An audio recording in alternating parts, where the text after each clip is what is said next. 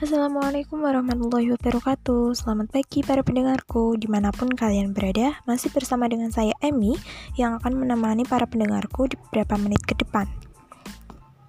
Kali ini masih di program podcaster Dengan judul pengenalan perangkat keras siaran. Alat apa saja sih yang digunakan oleh para penyiar Hingga bisa menghasilkan siaran yang begitu bagus? Nah yuk langsung saja kita bahas materinya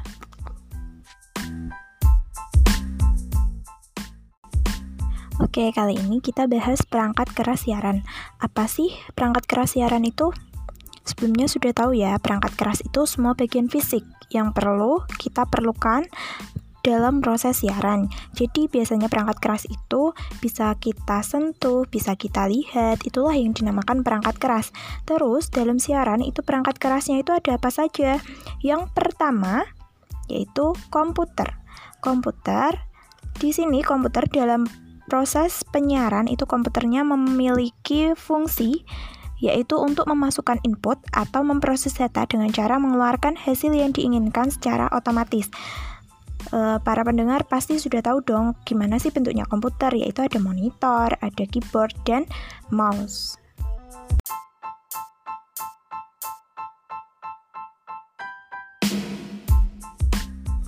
Yang kedua yaitu kamera elektronik. Kamera elektronik adalah peralatan elektronik yang digunakan untuk menangkap atau merekam gambar dalam jumlah tertentu hingga menghasilkan ilusi, ilusi gerak dari gambar yang direkam. Kamera elektronik ini biasanya digunakan dalam siaran televisi. Kalau di dalam siaran radio kita cukup menggunakan rekaman, rekaman suara saja.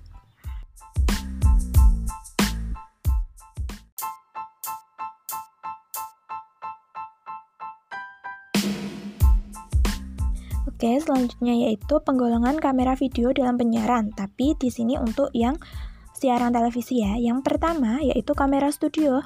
Kamera studio adalah kamera yang biasanya digunakan dalam studio untuk memproduksi sebuah program acara televisi. Kamera studio yang dilengkapi dengan tripod atau dolly. Kamera ini biasanya telah dilengkapi mikrofon untuk menangkap suara di depan kamera. Jadi, kamera yang biasa kita lihat kalau di televisi yang ada kayak tripodnya itu dinamakan kamera studio. Yang kedua yaitu kamera ENG, Electronic News Gathering atau portable camera adalah kamera yang digunakan untuk hunting berita dan juga bisa digunakan untuk membuat film. Yang ketiga yaitu kamera AFP, Electronic File Production, adalah kamera yang biasa dipakai di dalam ruangan atau indoor hampir sama dengan jenis yang pertama, yaitu seperti kamera studio.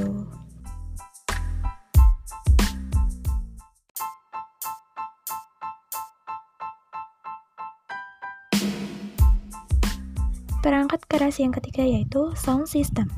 Sound system terdiri dari mic, mixer audio, equalizer, amplifier, speaker handphone, dan lain sebagainya. Sound system di sini digunakan untuk keperluan talkback komunikasi antara kamerawan dengan sutradara atau pengarah dalam rangka koordinasi, pemberian instruksi oleh pengarah kepada kamerawan. Sound system juga berfungsi sebagai sumber suara utama dan pendukung program. Suara utama adalah suatu objek syuting dan suara pendukung adalah sebagai sumber suara untuk background musik.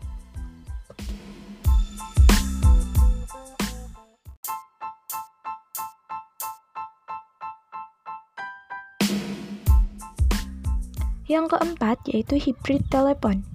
Hybrid adalah alat yang mengkonversi sambungan telepon biasa ke mixer siaran. Alat ini berguna untuk melakukan komunikasi secara langsung dengan pendengar. Biasanya dalam siaran radio um, alat ini masih digunakan. yang itu bentuknya itu seperti telepon rumah sekarang.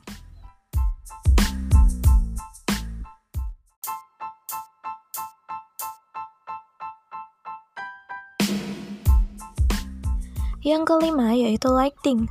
Lighting adalah suatu istilah untuk pengolahan cahaya atau pencahayaan yang digunakan dalam fotografi. Biasanya bentuknya itu kayak ada payungnya. Kalau acara antena itu biasanya ada tripodnya, terus ada kayak payung warna hitam, itulah yang dinamakan lighting. Dan itu fungsinya untuk mengatur pencahayaan dalam fotografi. Biasanya kita gunakan dalam melakukan siaran, baik itu siaran yang menggunakan televisi ataupun siaran yang menggunakan radio.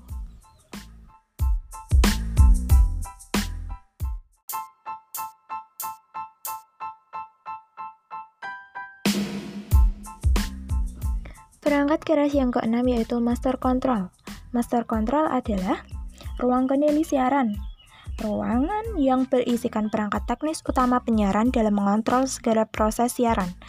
Master control menjadi pusat dari segala kegiatan produksi siaran yang ada di stasiun penyiaran. Biasanya isinya dari ruangan master control itu kayak monitor-monitor, jadi bisa untuk memantau kegiatan baik yang itu praproduksi, produksi maupun pasca produksi.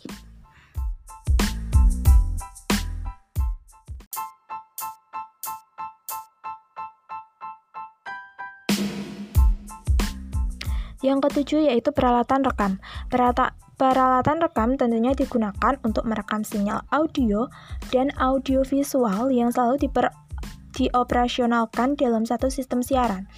Untuk sinyal audio, peralatan rekam yang disebut dengan audio recorder atau sound recorder. Sedang untuk sinyal audio visual, peralatan rekamnya disebut sebagai video recorder.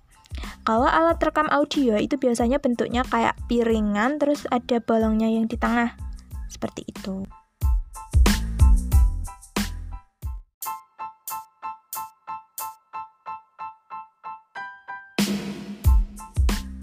Gimana nih sahabat pendengarku?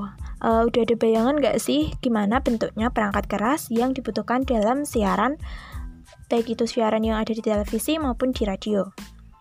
Pastinya udah ada dong. Oke, aku akan lanjutkan untuk perangkat keras yang ke-8, yaitu pemancar atau antena. Pemancar atau antena adalah suatu alat yang berfungsi membawa dan memproses sinyal informasi untuk ditransmisikan Fungsi pemancar adalah untuk menghasilkan sinyal informasi dan sinyal pembawa menjadi gelombang radio. Sedangkan untuk fungsi penerima adalah untuk mengubah gelombang radio menjadi sinyal informasi yang dapat kita gunakan.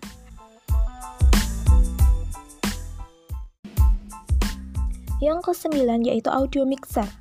Audio mixer adalah alat yang digunakan untuk mengatur sinyal elektrik dari mikrofon studio, tape recorder, dan sinyal prosesor. Bentuknya itu kotak, terus ada banyak tombolnya, jadi digunakan untuk mengatur sinyal ya. Terus yang ke-10 yaitu mikrofon. Pasti semuanya udah tahu dong, mikrofon itu gunanya untuk apa?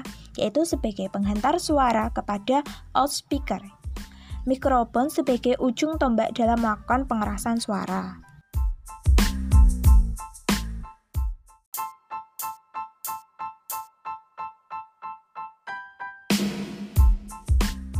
Terus yang terakhir atau yang ke-11 yaitu headphone. Headphone biasa digunakan dalam siaran radio FM. Alat ini berguna untuk mendengar aktivitas yang sedang mengudara. Selain itu, bentuk antisipasi booming. Jadi bentuknya itu seperti headphone yang pada umumnya diletakkan di telinga ya bentuknya ada lingkaran-lingkaran kayak gitu. Itulah tadi penjelasan mengenai perangkat keras siaran. Semoga bisa bermanfaat ya ilmunya. Uh, sekian dari saya. Terima kasih.